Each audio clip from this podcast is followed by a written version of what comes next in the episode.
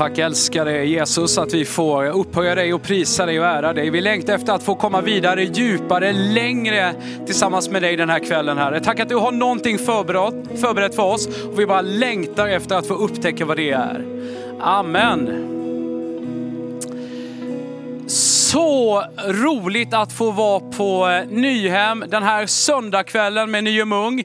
Det, alltså, det finns ju någonting eh, som du kanske tänker att det här startar sommaren för mig. Det kanske är sommarlovet, det kanske är midsommar. För mig startar sommaren med Nyhem. Så nu liksom kickar den igång på riktigt.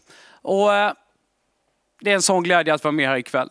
Jag vet inte vad du tänker på när du eh, hör sommar. Jag tror att många av oss tänker på fina tider, härliga tider. Att vi får eh, kanske vara lediga och ha sommarlov och bara få ta dagen som den kommer. Eller så ska du sommarjobba och kanske jobba hårt eller mindre hårt på sommarjobb och du får bara fokusera på de där pengarna och du får tänka på vad du ska göra sen när du har fått liksom jobba hårt den här sommaren.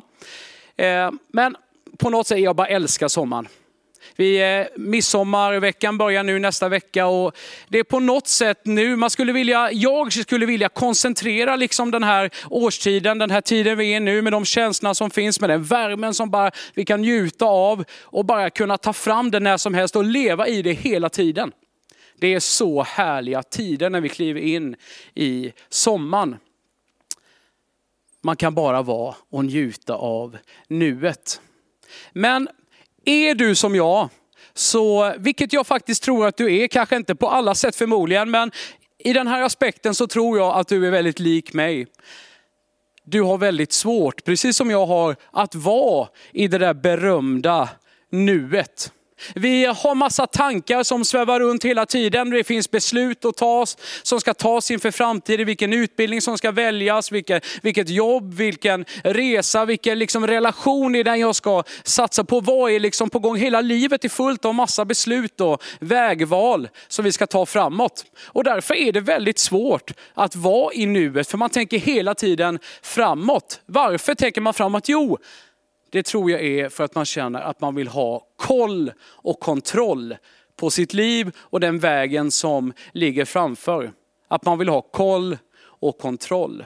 Men hörni, det är så att Gud, han är väldigt intresserad av att ha koll och kontroll på din framtid. Och vi ska läsa ifrån Jesaja kapitel 55 och vi ska läsa från vers 8 till och med 11. Då står det så här. Mina tankar är inte era tankar och era vägar är inte mina vägar, säger Herren. När liksom himlen är högre än jorden så är mina vägar högre än era vägar och mina tankar högre än era tankar. Liksom regnet och snön faller från himlen och inte återvänder dit utan vattnar jorden så att den blir fruktbar och grönskar och ger säd till att så och bröd till att äta. Så ska det vara med ordet som går ut från min mun. Det ska inte komma tillbaka till mig förgäves utan ha gjort vad jag vill och utfört vad jag har sänt det till. Det var en ganska lång bibeltext. Låt oss gå igenom den en gång till. För att vi, jag tror att det är väldigt viktigt för oss att få verkligen förstå vad står det här egentligen. I vers 8 så står det, mina tankar är inte era tankar och era vägar är inte mina vägar, säger Herren. Det här kan kännas tungt. vadå? Är det liksom jag och Gud, är vi ett motstånd mot varandra hela tiden? Är, det liksom, är jag fel ute om jag inte går exakt på hans vägar? Absolut. Det här är en varning som Herren ger oss. Att ifall du inte går med mig, ifall du inte vandrar med mig, ifall du inte går med det jag har tänkt och det jag har planerat, så blir det inte det absolut bästa. Då hamnar du inte på de rätta vägarna. Då blir det inte de rätta tankarna till de rätta besluten. Det är absolut en varning att håll er till mig. Men det är framförallt ett löfte om att vi kan komma till honom och han vill leda oss rätt. Han vill leda oss på de rätta vägarna som är hans vägar. Det är en varning, absolut. Håll er till mig. Men det är framförallt ett löfte att gå med Herren. I vers 9. När liksom himlen är högre än jorden så är mina vägar högre än era vägar och mina tankar högre än era tankar. Det finns en nästan ogreppbar skillnad mellan Guds tankar och människan. Han har ett gudomligt perspektiv. Liksom himlen är högre än jorden, så är hans tankar och vägar större för våra liv. Liksom regnet och snön faller från himlen och inte återvänder dit, utan vattnar jorden så att den blir fruktbar och grönskar och ger säd till att så och bröd till att äta, står det i vers 10. Vad betyder det? Vad betyder regnet? Vad betyder snön? Vad betyder det här med liksom brödet? När regnet faller på marken och, och ner i jorden så ger det kraft, det ger energi, det ger näring så att det som finns där i jorden kan växa upp. Det som inte ser ut att vara någonting, att när vattnet regnar ner på det så kan det som börjar växa. Det är liksom konstruerat i skapelsen. Att det fyller då sitt syfte när det får regna och det sen får växa upp till det som det är tänkt från början. Så ska det vara med ordet som går ut från min mun. Det ska inte komma tillbaka till mig förgäves, utan har gjort vad jag vill och utfört vad jag har sänt det till, står det i vers 11. Det Gud talar, ditt Gud leder, de vägar som, som kommer ifrån honom, det har han ett syfte med. Det Gud säger, leder, talar, hans tankar, hans vägar, de är inte förgäves. De är inte utan ett syfte. Det ligger där, det finns där för att det ligger på Guds hjärta för ditt och mitt liv. Här har vi svaret. Vi vill ha koll och kontroll, men här har vi svaret på att Gud, han har koll och kontroll över våra liv och över vår framtid. Han vet vilka tankar som ska gå till beslut. Han vet vilka vägval vi står inför och han vet också vilken den rätta vägen är. Han har koll, han har kontroll. Och den stora uppgiften och den svåra uppgiften som kan tyckas väldigt enkel, men ibland är det absolut enklaste också det absolut svåraste. Det är för oss att ge Gud kollen och kontrollen över våra liv och vår framtid. För han har ett syfte, han vill vattna dig. Han vill att någonting ska få växa upp som han har tänkt för dig från början och leda dig på rätta vägar. Hans namn till ära. Han vill visa dig sitt gudomliga perspektiv över ditt liv och framtid. Ibland blir vi liksom ett offer för våra omständigheter, för saker vi eh, har varit med om, saker vi befinner oss i eller vår egen förväntan på oss själva eller andras förväntningar på våra liv. Så att det är det som får välja eh, våra vägval, det är de tankarna som får gå och leda till beslut. Omständigheterna leder oss, erfarenheterna leder oss, förväntningar leder oss på olika sätt. Både våra egna förväntningar på oss själva men också vad andra tänker och tycker och hur de vill leda oss. Jag är så eh, fascinerad över lärjungen Petrus och hans väg och hans livsval och vad det får leda honom till. Så här står det i Matteus kapitel 4 från vers 18 och här är det när Jesus liksom håller på att samla sitt gäng och lärjungar som ska vandra tillsammans med honom, som ska få lära känna honom och bli tränare av honom. Då står det så här från vers 18. När Jesus vandrade längs Galileiska sjön såg han två bröder. Simon, som kallas Petrus, och hans bror Andreas. De stod och kastade ut nät i sjön, för de var fiskare. Han sa till dem, kom och följ mig, så ska jag göra er till människofiskare. Petrus, han, vi ser han är fiskare, han står vid, vid sina nät, vid, vid sina nät då, för han är ju fiskare. Och hans plan med hans liv, det var inte så mer än att han skulle vara fiskare. Det är inget då fel att vara fiskare på något sätt. Det är säkert ganska härligt när det är soligt, men ganska otroligt jobbigt när det regnar och blåser och så. Men eh, Petrus liv, det var liksom att han var fiskare. Hans pappa var fiskare, hans farfar, hans farfars farfars far. Ni vet, ni vet, ni vet hur långt. Alltså, det var fiskare han var. Ifall vi tycker det är svårt att välja vad, vad vi ska göra, vad vi ska välja på gymnasiet, vad vi ska göra efter gymnasiet, vad, vilken yrke, och ska vi gå högskola, ska vi jobba direkt, ska vi resa? så fanns det liksom inte så stora valmöjligheter för Petrus. Ifall vi bara fantiserar och att Petrus levde idag så skulle han gå liksom fiskegymnasiet. Alla egna val skulle han välja fiskeri. Efter gymnasiet så kanske han skulle gå en folkhögskola med inriktning fiskeri. Kanske skönt att ta ett sabbatsår innan yrkeslivet eller fiskehögskolan. Så då reser han runt på andra ställen i världen och kollar hur andra fiskar. Alltså det är så hans liv var planlagt. Det var fiske som var grejen och plötsligt så står Jesus där. Plötsligt så står Jesus där och ger honom en uppmuntran, en uppmaning när han säger kom och följ mig så ska du inte hålla på och fiska fisk längre utan du ska få fiska människor. Då står det vidare i vers 20, genast lämnade de näten och följde honom. Låt oss bara komma ihåg Petrus, var han kommer ifrån, hans erfarenheter, hans bild av sig själv och hans planer för framtiden som, som vi känner till handlar om fiske, eller hur? Det här är samma Petrus om vi spolar fram till Apostlagärningarna kapitel 4 och vers 13. Här är Petrus tillsammans med hans liksom, eh, eh lär, eh, kompis och, och också en lärjunge Johannes. De har pratat om Jesus, blivit uppfyllda av en helig ande liksom, och, och, och, pratat om Jesus. De blir gripna för de ställer till oordning och den religiösa eliten och översteprästen vill liksom sätta dit dem. Så de står där inför Stora rådet. Och Petrus håller ett sånt brandtal i andens kraft. Och då står det så här i Apostlagärningarna 4.13. När de såg hur frimodiga Petrus och Johannes var och märkte att de var olärda män ur folket blev de förvånade.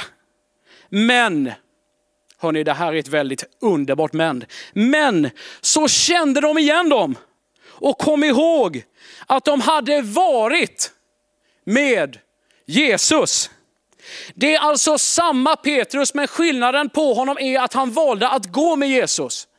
Han kunde nöjt sig med att säga Jesus du verkar vara en bra kille, du är Messias, jag tror på dig och sen varit kvar. Haft ett underbart liv som fiskare eller ett jättedåligt liv. Men han kunde ha utverka, liksom, utvecklat sin verksamhet, fick en större båt, utveckla, gå i pension, bli firad. Det kunde han gjort och fått ett ganska okej liv.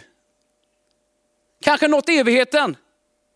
Men han valde att släppa sina nät och följa med Jesus på ett äventyr. Så denna enkla man är den som översteprästerna, den religiösa eliten blir chockade över. Men sen kommer de på, nej just det, vi behöver ju inte vara chockade egentligen, men det stod det ju. Sen kände de igen dem. De hade varit med Jesus. Alltså blir den stora skillnaden med det som händer i Petrus liv är att han väljer att följa Jesus, att tro på honom, att lära känna honom, att vandra med honom, att lära sig av honom, att tillrättavisa av honom, att utrustas av honom. Det är samma Petrus som stod med sina nät, som sen bara chockar den religiösa eliten för, hans, för att han har valt att följa Jesus. Jesus hade blivit vägen för dem. Det hade blivit deras liv, livsmål och mening. Det gav dem en riktning för livet. Petrus liv blir inte problemfritt. Han kommer i en tydlig svacka när han börjar fiska igen och hur ska det bli nu och allt ser negativt ut. Han kommer i en tydlig svacka. Men då, när de varit ute och fiskat och inte får någon fisk. Han försökte ju det igen, funkar inte. Då står det någon på stranden. Det är Jesus. Han hjälper dem få fisk, men han återupprättar Petrus. Återigen så får han lyfta upp honom och Petrus får återigen börja vandra ett liv tillsammans med Jesus. Trots den här svackan, trots att det kändes nu är allt kört, nu är allt över. Så får de börja vandra tillsammans med Jesus igen. Och han får komma in i livet tillsammans med Jesus igen och vara den här Petrus som har blivit förvandlad i mötet med Jesus och vandringen tillsammans med Jesus. Jag vet inte vad du eh, anser om dig själv, hur du känner igen dig i kanske de här tre olika perspektiven i Petrus liv. Kanske känner du i någon, igen dig i någon eller i flera eller i alla tre. Då vill jag bara säga välkommen i klubben. Jag känner igen mig så faktiskt i alla de här tre områdena, områdena som vi kan se finns på ett tydligt sätt i Petrus liv. Förväntningarna på Petrus. Han skulle vara fiskare.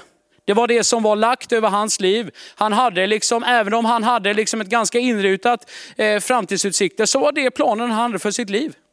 Det var det han skulle göra. Han kanske, jag tror att han hade drömmar. Vi vet inte för sitt fiskeri eller inte, men det var det planen. Han tänkte inte utanför den boxen. Uppenbarligen så har han möjlighet att välja något annat, för han följer ju med Jesus. Men han, det var den planen han hade lagt för sitt liv. Kanske känner du igen dig i det. Kanske står du med ditt eget fiskenät och tänker, det här är jag. Det är det här jag ska göra. Jag har stått liksom i mitt liv krampaktigt och hållit att det här är min plan, det är ju det här som jag har bestämt, det är ju det här som det ska bli. Det är det här som livet liksom eh, eh, ledde mig till. Och tänkt att varför har alla andra så roligt? Varför är alla andra ute på äventyr med Jesus? Så när jag stått och försökt att hålla kvar krampaktigt till det som var liksom vad jag tänkte var syftet med mitt liv. Utan att ens kolla med Jesus. Kanske ser du ner på dig själv. Kanske tänker du, inte kan väl jag? Jag är ju bara sån här. Jag kan ju bara det här. Jag vet inte hur man gör någonting annat. Det står att Petrus han var en olärd man av folket. Han kunde liksom tänkt på det och inte vågat gå med Jesus, men han väljer att göra det. Jag är med på den också. Det finns många gånger jag har känt att jag är inte värdig. Jag kan inte. Om jag ändå var som den, om jag ändå vågade som den, om jag ändå var så frimodig, om jag ändå såg ut på det sättet, om jag ändå hade de resurserna, då skulle jag våga. Men nu är jag här så jag får nöja mig med mitt när jag egentligen längtar efter någonting annat. Eller så befinner du dig i en svacka, som Petrus gjorde. Han var i en svacka. Du tänker, det går inte, det finns inte ens en framtid. Så jag börjar med de här gamla grejerna igen. Jag har börjat fokusera liksom på att bara överleva. Det finns ingen framtid, jag vet inte hur jag ska göra. Det är ingen idé att jag ens liksom känner att eh, går mot framtiden ens. Du försöker bara ta dag för dag men egentligen finns det ingen stor glädje. Du är i en svacka. Jag älskar Nyhem och jag har fått förmånen att få vara med i många år. Nyhemsveckan 2018 kommer för evigt och för alltid vara väldigt speciell för mig. Eh, när jag var på väg upp hit och parkerade bilen precis eh, bakom mig där jag står nu, så får jag ett telefonsamtal. Det är min fru som ringer och säger att eh, Jakob, du behöver komma hem för eh, nu är det väldigt nära att din mamma Karin, att hennes liv är över. Mamma hade tio veckor innan hastigt insjuknat i cancer och det hade spridit sig till hela hennes kropp. Och vi bor på samma plats och vid den tiden hade vi till och med bott med vår familj hemma hos mamma och pappa när vi håller på att flytta. Men eh, jag får det där samtalet. Jag eh, bara säger hej till några och jag bara sätter mig i bilen hem. Det går några dagar och precis innan midsommar får mamma flyttar hem till sitt himmelska hem tillsammans med Jesus. 53 år gammal, det tog bara 10 veckor. Jag säger inte det för att liksom förstärka eller på något sätt eh, berätta, även om det var och är synd om oss som har förlorat en mamma, en, en farmor, en hustru, en vän. Utan vi kände att som familj så stod vi inför ett val när vi var i liksom dödens svacka, när vi kände att det finns ingen framtid, det finns inget hopp Vår älskade mamma så ung och så oväntat. Helt plötsligt så dör hon. Vi känner att vi står inför ett val. Att antingen så drar vi oss bort och liksom drar oss bort ifrån Gud och, eller så närmar vi oss honom. Inte för att vi kände för det, inte för att vi klarade det i egen kraft, inte för att brösta upp liksom oss själva. Men vi kände att vi måste kasta oss på Gud som är stor. Och vi gjorde det, så istället för att dra oss ifrån kyrkan så ställde vi oss i dess mitt. Vi, slu, vi började lovsjunga dubbelt så mycket som innan, vi började be ännu mer. Inte för att vara duktiga, inte för att vi kände för det, utan vi kände att vi har inget annat att göra i den här svackan. Det finns ingen framtid för oss i den här dödsskuggans dal ifall vi inte väljer att söka Gud, att rikta oss mot honom, att hans vägar ska få bli våra vägar, när vi inte ens trodde att det fanns vägar vidare. Gud, han har all koll och kontroll. Vill vi maximera våra liv? Vill vi få det bästa livet? Vill vi liksom att allting ska bli på det absolut bästa sättet?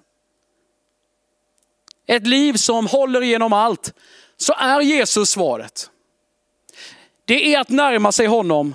Det är att be att han ska få tala. Det är att omge sig med människor som älskar Jesus. Människor som, eh, människor som kan hjälpa mig när jag inte är stark. Människor som kan ge mig råd. Det, det handlar om att söka Gud, att längta efter att, få, att höra att han ska få tala och lära sig höra hans röst. Att läsa Guds ord. Det finns inga genvägar. Det här kan låta som totala självklarheter, men jag har levt stora delar av mitt liv där jag har inte sökt och då har det gått åt ett helt annat håll. Men jag har märkt att ju mer jag söker honom, oavsett om jag är glad och lycklig eller om jag känner att jag är i dödsskuggans dal, så leder han mig på rätta vägar. I Matteus evangeliet kapitel 6 och vers 33 så står det, sök först Guds rike och hans rättfärdighet så ska ni få allt det andra också. Det här är inte ett bibelord för att liksom uppmuntra oss själva när allt har fallit, utan det är en verklighet att leva och bygga sitt liv på. Att det känns nästan obegripligt stor, men så stor är vår Gud. Att om vi söker honom, då blir allt annat till det bästa. Det blir inte ett liv som blir problemfritt på, på alla sätt, men det blir det rätta livet. För vi söker Gud själv. Jag tror Jesus vill ställa en fråga till dig, där du befinner dig. Du kanske sitter hemma i, vid skärmen själv eller är ni samlade i kyrkan eller utomhus någonstans. Eller så ser du det här och lyssnar till det här i efterhand. Men jag tror att Jesus vill ställa en fråga till dig. Vill du ut på ett äventyr tillsammans med mig? Vill du släppa släppa dina nät som kanske är dina planer, som du håller fast vid, som du, inte, som du vägrar att släppa in honom i. Kanske är det det du ska få släppa. Eller så är det att du ser ner på dig själv, jag är ju bara det här, jag kan ju bara det här. Eller så står du i den här djupaste svackan så du vet inte, finns det ens en framtid? Finns det ens ett hopp? Ett äventyr med honom, det kan bli dramatiskt, det kan bli synligt för andra, men det kan också bli väldigt enkelt. Men det blir stort för att du gör det med han som har all makt i himmelen och på jorden. Han som är alltings början och alltings slut. Det blir det bästa livet för att det är Herrens vägar. Mina tankar är inte era tankar och era vägar är inte mina vägar, säger Herren. Gud vill zooma ut ditt perspektiv och ge dig sitt gudomliga perspektiv. Vi ska be nu och ibland gör vi saker lite komplicerat. Det behöver inte vara det. Ibland är saker komplicerade i livet, men ibland behöver saker inte vara så komplicerade. Jag vill bara ge dig en enkel inbjudan. Står du där och, eller, och sitter där, eller var du än befinner dig, på vilket sätt, så eh, tror jag Jesus ställer den här frågan till dig. Vill du följa honom? Vill du ut på ett äventyr med honom? Vill du släppa dina nät och dina egna planer som du inte har släppt in honom i? Vill du släppa den här föreställningen du har om dig själv? Vill du sluta klamra dig fast vid de negativa sakerna i ditt liv och förstå att han leder dig vidare? Då kan du bara få eh, be till honom. Jesus, jag tror på dig. Jag vill följa dig. Jag vill upptäcka mer med dig. Jag vill leda, jag vill att du ska få leda mig. Jag vill gå på dina vägar. Jag ber att du ska få bli större och jag blir mindre. Så vi tar bara ett ögonblick i stillhet så här där du befinner dig, om du sitter själv eller om det är en grupp. Vi tar bara någon minu- något litet ögonblick av stillhet så ska jag sen få ta med dig i bön. Be med dina ögna, egna ord till Jesus. Säg det du vill, det du längtar efter, det du vill att han ska få göra i ditt liv.